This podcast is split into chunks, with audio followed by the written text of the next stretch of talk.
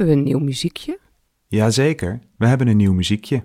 Bedacht en gespeeld door violiste Merel Verkammen, speciaal voor deze podcast. En omdat het zo mooi is, laat ik het gewoon nog een keertje horen. Nu met de stem van de podcast.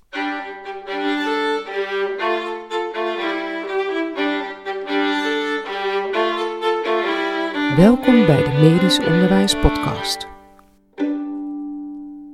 Dit is aflevering 18 alweer en in deze aflevering aandacht voor misschien wel de meest moderne vorm van medisch onderwijs. Of, zo kun je het ook zeggen, hoe en waarom een bestaande technische ontwikkeling eindelijk wordt toegepast in het medisch onderwijs. In Nijmegen, met anderhalve meter afstand tussen mij en de geïnterviewde, ben ik te gast bij twee mensen die er alles van weten. De een is Marit Rensink. Uh, mijn naam is Marit Rensink. Ik werk als projectmanager bij de Radboud UMC Health Academy. Ik doe heel veel met uh, chirurgisch vaardighedenonderwijs, uh, verpleegkundige vervolgopleidingen en ben momenteel ook heel erg druk bezig met het scholingspakket rondom de hele COVID ter voorbereiding op een tweede golf. En de ander is Goof Klaassen. Ja, mijn naam is Goof Klaassen en ik ben ook projectmanager bij de Radboud UMC Health Academy. En veelal bezig met allerlei opleidingen ontwikkelen voor uh, AIOS, medische vervolgopleidingen. En daarnaast co coördineer ik ook uh, bij- en nascholingen in zijn algemeenheid. Marit en Goof dus. En we gaan het hebben over VR in medisch onderwijs. Waar staat die afkorting eigenlijk voor, Goof? Virtual reality. Uh, we zien de techniek, we zien allerlei toepassingen ontstaan. We zien mooie voorbeelden. We zien ook nog wat problemen in de toepassing eh, daarvan. Maar wij denken dat het een eh, hele mooie toevoeging kan zijn op het huidig eigenlijk aanbod aan onderwijs. En uh, ja, daar willen we wat uh, over uh, gedachten wisselen met jou. Virtual reality. Virtual reality. Want daar gingen we het over hebben. En dan is de eerste vraag natuurlijk, wat is dat? Want dat weet echt niet iedereen, kan ik je verzekeren. Nee. Ja, er zijn eigenlijk meerdere varianten van virtual reality. Je kunt een wereld bouwen met poppetjes, met een uh, digitale wereld waarin je als kijker rondloopt. Dus dan loop je in een kunstmatige wereld. Dat is één vorm. En je kunt ook um, een wereld filmen met echte mensen, echt, uh, of met, met, acteurs, met een echte omgeving dat filmen en daar de kijker in rond laten lopen. Dat zijn beide vormen van virtual reality. Ja, en in zo'n geval dan trek je een bepaalde bril op, virtual reality bril. En je uh, stapt letterlijk in een andere wereld uh, waarin je heel goed andere dingen kunt nabootsen, kunt uh, simuleren, kunt stimuleren. waardoor het ja, echt levensecht is en die andere omgeving echt op je afkomt. Voor jou als ja, patiënt, als docent, als proefpersoon, als cursist.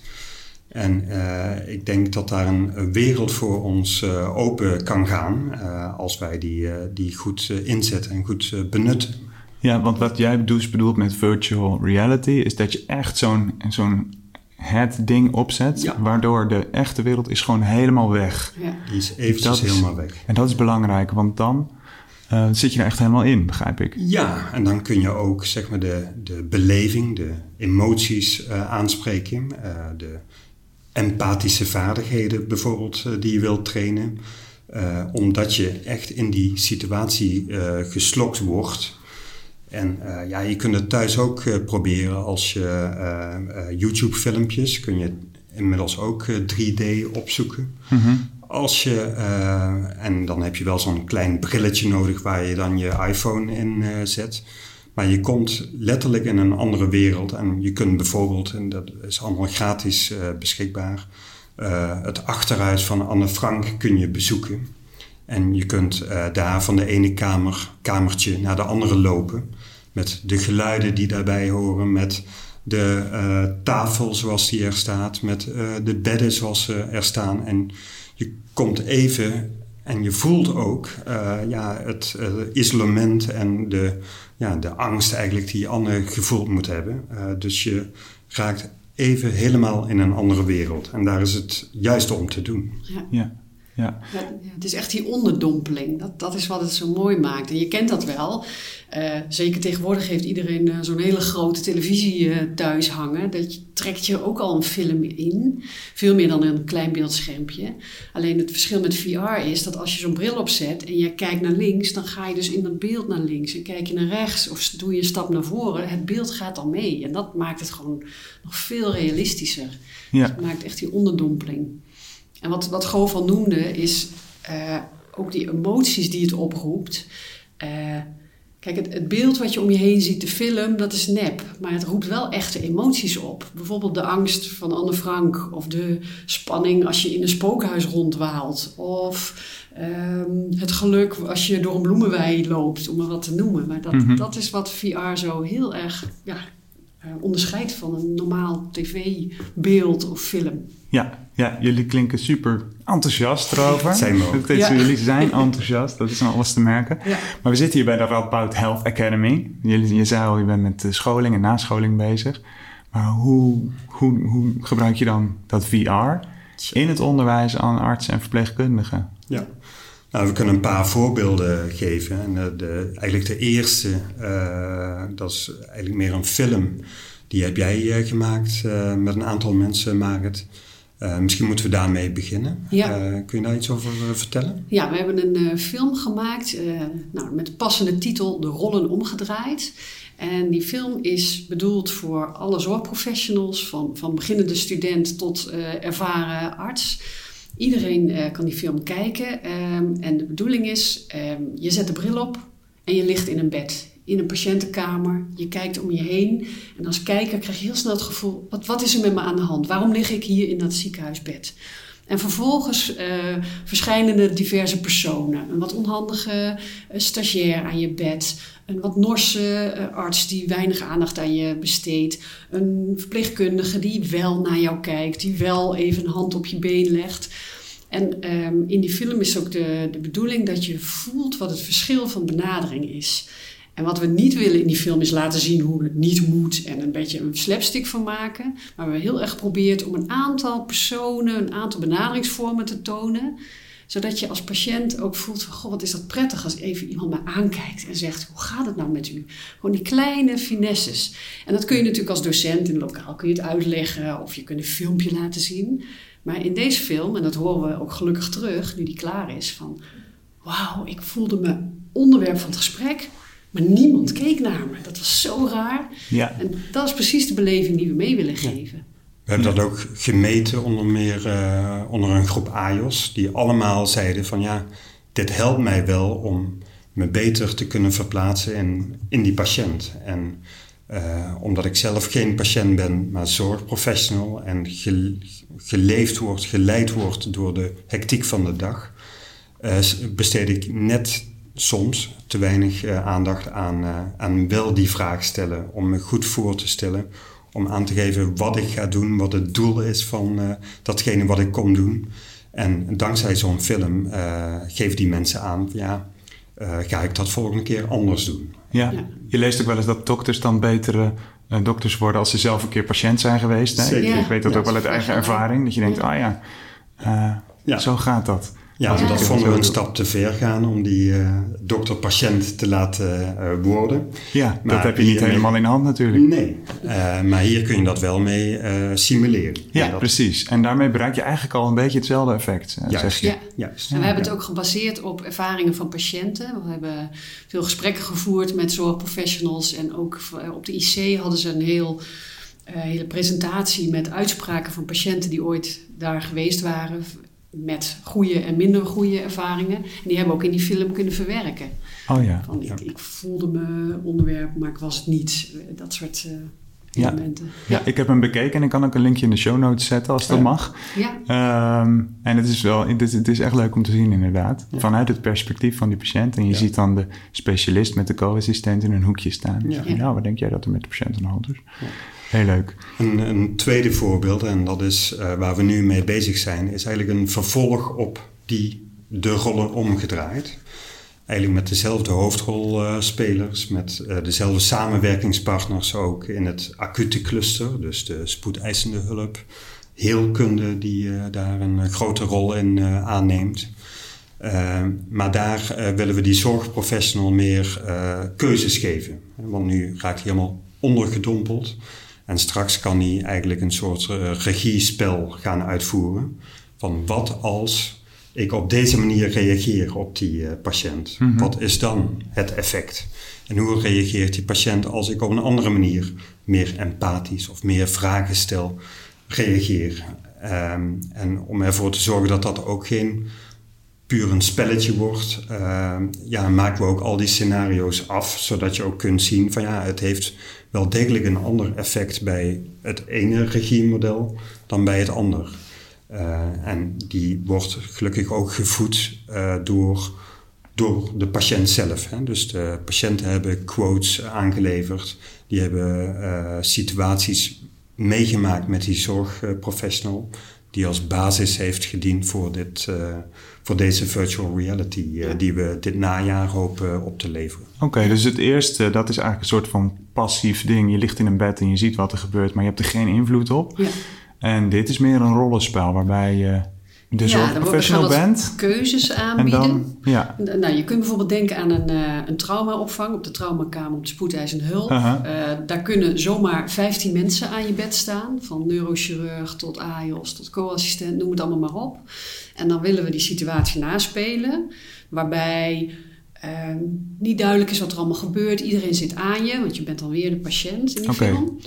En dan gaan we die situatie nog twee keer aanbieden, maar de ene keer met iemand die bij je hoofdeinde staat en zegt: Daar staat de neurochirurg, die gaat dadelijk even aan uw knie voelen. Um, dus dat diegene helemaal begeleid wordt, die patiënt. En dan nog een volgende situatie waarbij we zeggen: Wat gebeurt er nou als die twee artsen of die twee personen die aan je voeteneind staan te praten, als we die even uit de kamer halen. Dus telkens eigenlijk drie keer hetzelfde scenario, maar met net even een ander element erbij of eraf.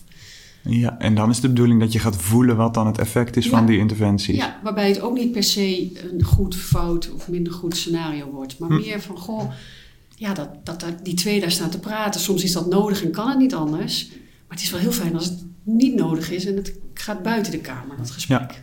Ja. ja. Ja, en dit, dit, soort oefeningen, het is wel heel mooi als het uh, straks werkzaam is, als het toegankelijk is voor allerlei zorgprofessionals en studenten, zodat je dat ook plek- en tijdsonafhankelijk uh, kunt uh, volgen en kunt doen, kunt beleven. en dat is zeker in deze COVID-tijden, waarin ja, het geneeskundecurriculum, verpleegkundige opleidingen, bij- en nascholing toch allemaal met vragen zitten van ja, hoe, hoe kunnen we dicht bij die student komen en toch die beleving over zien te brengen zonder de, de richtlijnen te, te dwarsbomen, ja. dan lijkt dit wel een hele mooie oplossing daarvoor. Ja. En, ja, en dit is dan in de, in de medische set. Hoe komt het eigenlijk dat het eigenlijk nu pas gebruikt wordt, dit soort dingen? Want er is toch al heel lang simulatie en dingen mogelijk met, met de techniek? Goeie vraag. Ja. nou ja, het is wel zo dat de, de consumentenproducten misschien nog niet zo lang op de markt zijn. Ik heb zelf twee jaar geleden zo'n heel klein uh, 360 graden cameraatje aangeschaft. Uh -huh. Dat was jaren een paar honderd euro. En toen ik hem kocht was het op een gegeven moment maar, nog maar honderd. Nou, daar zijn we maar eens mee gaan experimenteren. En dan, tenminste voor mij werkt het, het altijd zo dat ik, ik kan naar een cursus of ik kan het horen. Maar als ik het zelf doe, dan ervaar ik het. Dus inderdaad, op die manier ermee in aanraking gekomen. Dus gewoon ook ja, laagdrempeliger. Precies. De brillen zijn niet meer zo duur. Ja, dat. En ik denk wel dat het een, een lange aanloop heeft gehad, maar nu wel een vlucht gaat krijgen. Niet alleen in onderwijs, maar juist ook in, rechtstreeks in de zorg. Je, je hoort uh, voorbeelden van virtual reality bij patiënten bijvoorbeeld uh, toe te passen is. Hè? Of ter voorbereiding op een uh, lastige operatie bijvoorbeeld. Ja. Of een ingreep. Of om patiënten af te leiden. Ja. oh, dat ze tijdens een ingreep bijvoorbeeld ja. een beenmergpunctie of wat... Wat ja. eigenlijk nou, best spannend en pijnlijk kan zijn. Ja. Dat ze dan in een virtual omgeving zitten waar het allemaal heel vredig en prettig is. Ja, Ja, wat Je, waarbij je misschien zelf de muziek kan kiezen of de omgeving. Misschien wil je wel naar eh, besneeuwde bergen, misschien wil je liever in een bloemenwei. Ja. Of duik, een duikervaring op Ja. Wordt dat al toegepast? We- Weten jullie dat? Ja, dat wordt eh, toegepast, zeker in de kindergeneeskunde. Ja. Kinderen zijn zeker voor dat soort beelden heel eh, gevoelig en zijn misschien wat makkelijker af te leiden ook dan eh, volwassen patiënten. Ja. Eh, en ja, die, die resultaten, wat ik hoor, zijn, zijn veelbelovend. Dus ik denk die vlucht, dat zet alleen maar door en wordt eigenlijk door COVID nog een, krijgt het een extra push.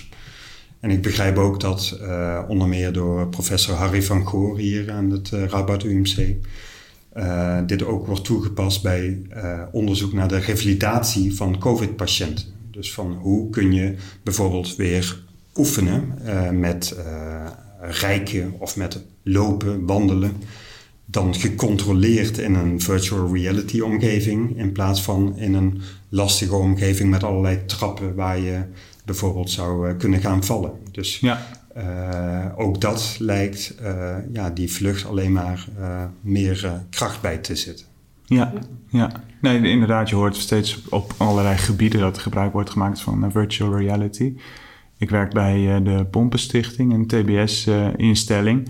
En daar wordt ook gewerkt met virtual reality, waarbij je een situatie hebt dat een patiënt die aan het resocialiseren is, met zo'n virtual bril op, wordt geconfronteerd met een bepaalde situatie.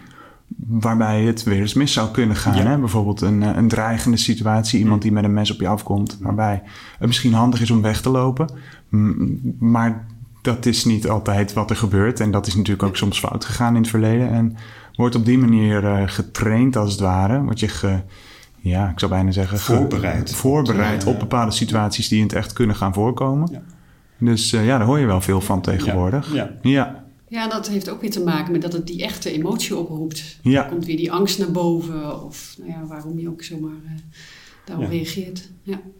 Misschien en zijn er ook nog... dan in, in de, uh, de, het medische curriculum, hè, het, het, het geneeskundecurriculum, want dat, uh, daar zit ik dan zelf, uh, ben ik docent in. Maar de, de, zijn er daar toepassingen wat jullie hebben bedacht of mee bezig zijn?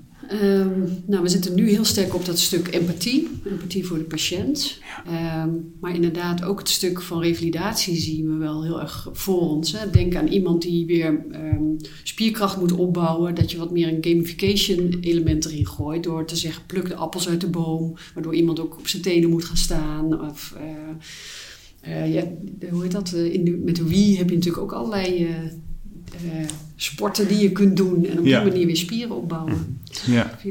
Ja, en, en we zien wel vaker dat, uh, dat zaken ontwikkeld worden op een andere plek dan ze worden toegepast. Hè? En, uh, dat is ons derde voorbeeld waar we mee bezig zijn. Het gaat om patiëntcomfort. Hoe kun je een angstige, onzekere patiënt op zijn gemak uh, zien te krijgen?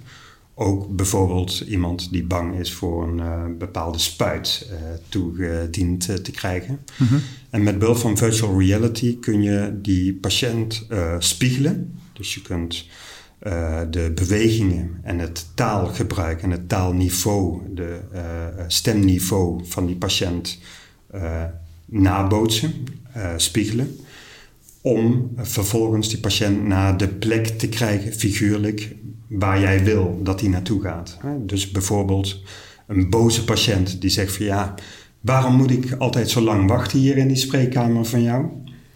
Nou ja, die spreek je ook op eenzelfde manier uh, aan, met Ja. uh, enigszins uh, stemverheffing, in dezelfde houding, uh, om vervolgens deze patiënt zover te krijgen dat hij nog eventjes wacht voordat hij de spreekkamer in kan gaan.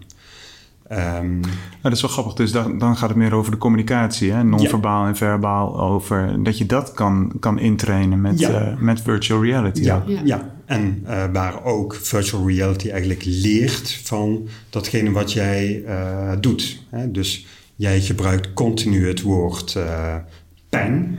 Mhm. En uh, als we iets leren, dan is het wel als je pijn wil vermijden, moet je het woord pijn niet gebruiken. Maar ik heb het nu al drie, vier keer gezegd.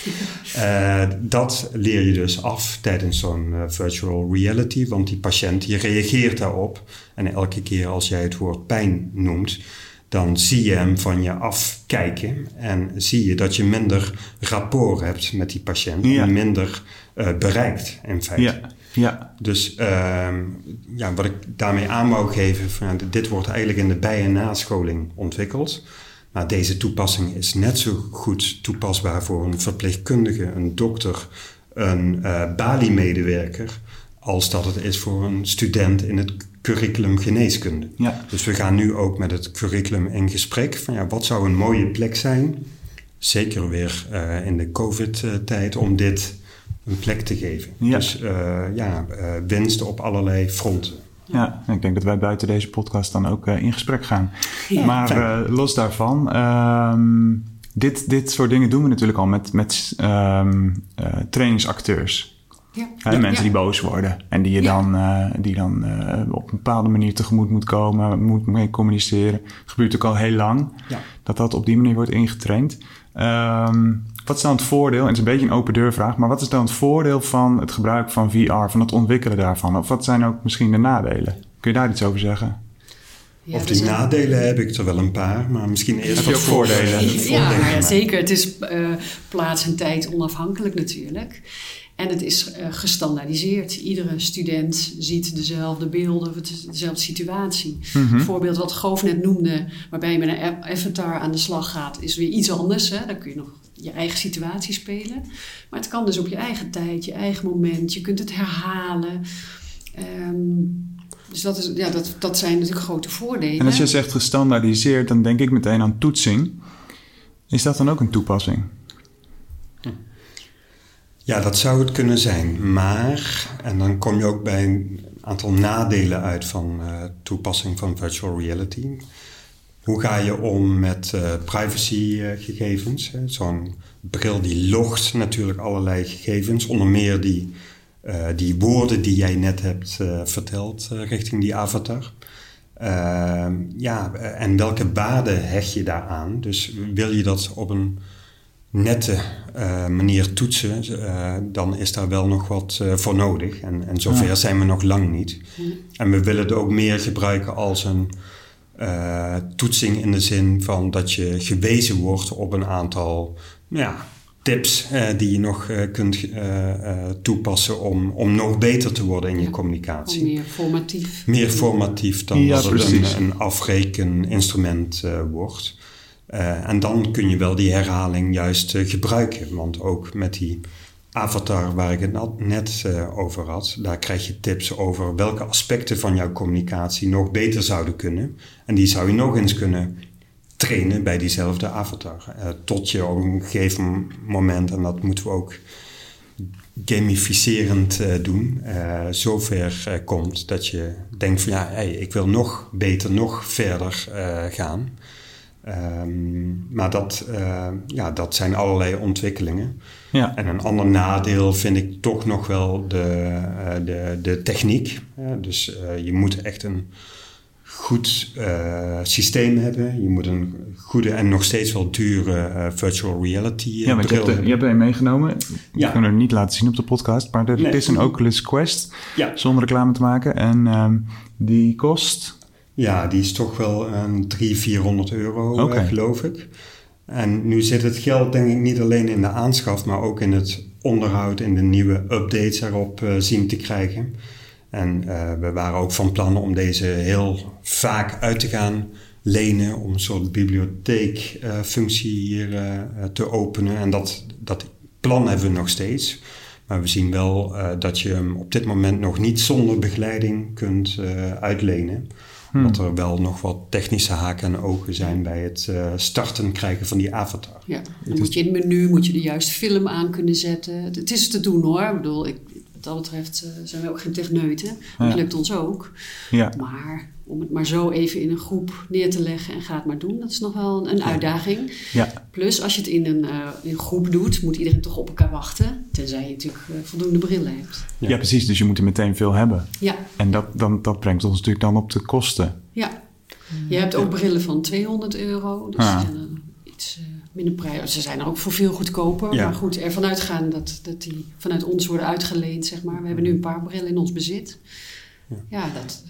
Ja, dat is toch een prijzig eh, iets bij elkaar. Het is prijzig, maar we zien wel de kracht straks in het opschalen ervan. Hè? Dus als, als het goed eh, werkbaar is, ja, waarom zou je hem dan niet eh, in honderdvoud kunnen, kunnen uit, uit laten huren? Hè? Dus dat je daar een bedrag voor vraagt en eh, met, met die opbrengsten kun je dan weer doorontwikkelen en kun je ook het onderhoud goed eh, vormgeven. Ja. Ja. Maar dat is wel nog een business case, eh, merken we. En eh, we zijn nu een beetje misschien voor de troepen uit aan het lopen. En de eerste ervaringen zijn prima. Maar dat opschalen, ja, dat, dat verdient eh, extra aandacht.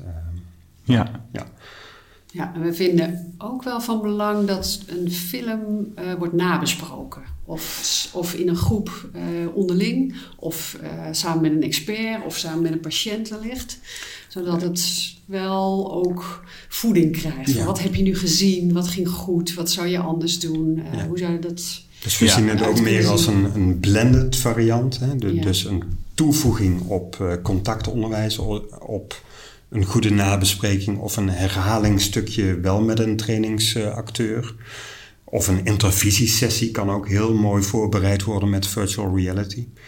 Maar, eh, en, en veel minder een vervanging van al dat soort eh, eh, instrumenten, omdat dat wel degelijk meerwaarde heeft om het ook nog in een groep met elkaar na te bespreken. dat blijft meerwaarde hebben, zeg je. Zeker. In, een- Ja. in een blended omgeving waarbij je eigenlijk extra eh, gebruik maakt hiervan om het nog eh, ja, echter te krijgen, nog beter te krijgen, Ja. eigenlijk dat onderwijs. Ja. Ja. ja, en die ervaring hebben we ook. We hebben het aan een groep eh tweedejaars studenten laten zien in een coachgroep. En een deel van de groep, zeker niet iedereen, maar een deel van de groep zegt: Goh, leuke film, ik vond het wel grappig. En pas bij verdiepende vragen van wat zag je de dokter doen of wat zou die co-assistent, wat had hij moeten vragen of welk gedrag vind je passend en wat niet, dan pas komen de, de reacties naar boven. Dus soms is dat gewoon nodig. Het is ook echt nodig daarbij. Ja. Dat, eh, Ja. dat blijkt. Ja. Ehm, hoe, ziet het, eh, hoe ziet de toekomst er eigenlijk uit wat betreft dit soort toepassingen? Ja. Ehm, ja, we hebben een paar dingen al geschetst. Hè? Dat, dat Mhm. we denken dat het heel toepasbaar is. Eh, de logistiek mag wat eenvoudiger. En misschien over een tijdje hebben meer mensen een eigen bril in hun bezit. Ehm, waar we het nog niet over gehad hebben, maar wat ook zeker nog een vlucht gaat nemen, is meer het tactiele eh, Oh ja. element van VR. Je hebt dan van die handschoenen aan en dan voel je echt in je vingers wat er gebeurt. Bedoel je dat? Eh, ja, dat, dat is de toekomst. Of dat, zal, dat is er al, maar wat wij hebben is, is nog dat je twee van die ringen in je handen hebt en dat je wijst naar een eh, operatie, eh, Ja. eh, mes of iets en dat je het aan kan pakken. Mhm. Maar inderdaad, in de toekomst zal dat veel beter ontwikkeld worden. Want wat je nu merkt is dat het wat meer aanklikken is van het juiste instrumentarium bijvoorbeeld. En de toekomst zal zijn dat het echt gaat voelen alsof je door de huid heen snijdt of dat je iets vast hebt in je handen. Ja. Ja. Ja, we zijn ons ook aan het oriënteren op eh, extra toevoegingen van andere eh, ehm, ja, elementen. Eh, en denk aan geur. Dat is ook eh, een, een onderschat iets, eh, denken wij. Eh, ja, wat is de invloed van geur op eh, beleving? Eh, pijnbeleving, onzekerheid of eh, juist eh, eh, je stemming. Ehm, eh, temperatuur zou je ook daaraan eh, toe kunnen voegen. En eh, ja, wat voor invloed heeft dat? Ehm, Ja. ja. en daar zijn ook weer allerlei toepassingen voor. Zo'n Sensory Reality Hub, die een tijdje ook in het uh, Radboud UMC heeft uh, gestaan. Ja, dat is natuurlijk ook geweldig als je een omgeving helemaal na kunt bootsen, inclusief temperatuur, Ja. zelfs uh, uh, bewegende Ja, trilling. uh, trilling. Ja. dus ja, dat zijn wel uh, toekomstige toepassingen die wij uh, zeker zien en uh, die, die, die we verder moeten gaan onderzoeken. Maar ik denk zeker ook voor ja, professionals om even afgeleid te worden. Om even uit de, nou, je ziet het nu, uit de COVID-hectiek uh, te stappen en even mindful te worden, even tot rust eh, te komen, zou het al een mooie toepassing eh, kunnen, kunnen zijn. Dus ik denk dat we het op veel meer plekken gaan eh, zien dan eh, tot nu toe het geval is. En dat het ook meer eh, gemeengoed eh, wordt. Hè. Eh, tien jaar geleden zeiden we in de collegezalen: zet je mobieltje uit, want eh, we willen niet gestoord worden hier. Mhm. Nu zeggen we van hou je een mobiel bij de hand, want eh, je moet dadelijk gaan stemmen. Ja. Of eh, we gaan even naar dat filmpje kijken. En ik denk dat datzelfde bij VR gaat gebeuren. Ehm, en eh, ja, dan zie ik het ook voor me dat je eigenlijk een soort eh, Apple Store, iStore, eh RAA Store eh, ter beschikking hebt. Waar cursisten over het hele land of zelfs in het buitenland eh, die VR kunnen downloaden en eh, kunnen bekijken Ja. ter voorbereiding op die training die, die wij gaan aanbieden. Ja, want al, dat moet natuurlijk allemaal gemaakt worden, al die alle filmpjes en avatars en situaties. Het is ook natuurlijk best kostbaar. Dus als je dat niet alleen in Nijmegen gebruikt, maar ook in het land of misschien internationaal. Ja. Dat Ja. bedoel jij toch? Ja, dat, je eh, veel, veel delen van materialen. Dat is natuurlijk wel van belang. ja. Ja. Ja. En daarom hebben wij onze film, de rollen omgedraaid, ook gewoon op YouTube gezet. Zeggen van ja, dat is niet exclusief voor ons of voor het Radboud. En merk je dan ook dat er in de rest van het land ook eh, mensen bezig zijn met dit soort dingen?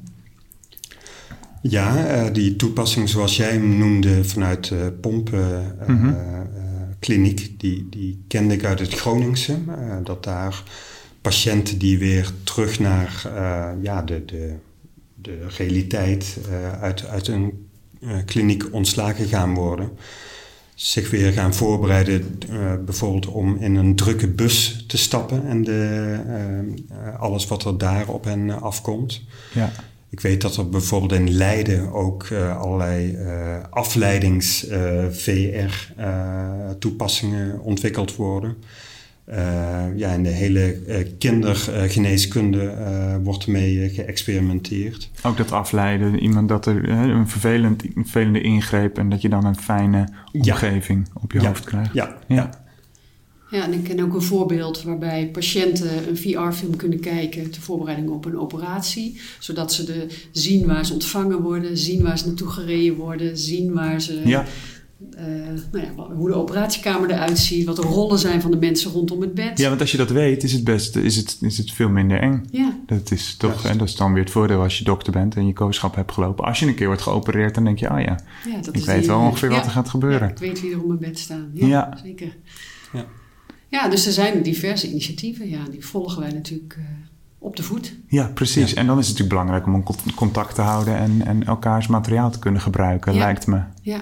Ja, want je kunt heel veel van elkaars ervaringen leren. Kijk, we hebben nu die film gemaakt en we, dan loop je tegen hele eh, ja, dingen, bijzondere dingen aan waar je van tevoren niet aan denkt. Ehm een van de acteurs is ook professioneel regisseur. Dus die, eh, die zou dan ook de spelers gaan regisseren rondom het bed. Maar we kwamen erachter dat als er zo'n 360 graden camera in de ruimte staat, dat er geen plek is voor een regisseur. Want die is altijd in beeld. Nou, dat, ja, daar moet je toch even een oplossing voor bedenken dan. dat hebben we opgelost door dan een laptop in de ruimte ernaast te zetten waarop die mee kon kijken. Maar aanwijzingen geven, dat ging dus niet meer.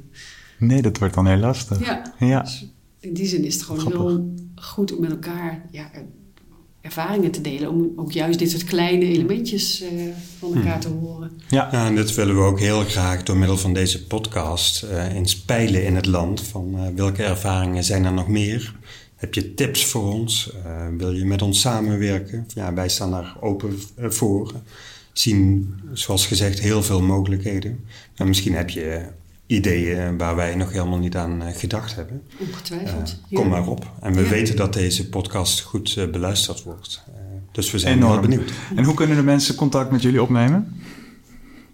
Het beste denk ik via de mail. En ik, eh, jij noemde net al iets over dat je Ja, de dus- film eronder kon zetten. Dus als Precies. onze Ik zet jullie adressen dan in de show notes van deze aflevering op Heel de graag. website. Ja. Zeker. En eh, een ander linkje is misschien ook wel radboudumc.nl slash patiëntcomfort. En daar zie je ook een preview eigenlijk van eh, de virtual reality toepassing zoals ik hem net eh, schetste. Dat is ook wel een leuke manier. En daar staan ook mijn contactgegevens bij. Mooi. Nou, ik kom binnenkort een, uh, een Oculus Quest lenen. Fijn. Um, om wat te gamen of zo. Ja. Nee. Um, en uh, ik ben heel benieuwd waar het heen gaat. Ja, wij ook. Wij ook. Ja, Ja. veel succes ermee en bedankt Dankjewel. voor het uh, interview. Dankjewel. Graag Alsjeblieft. gedaan.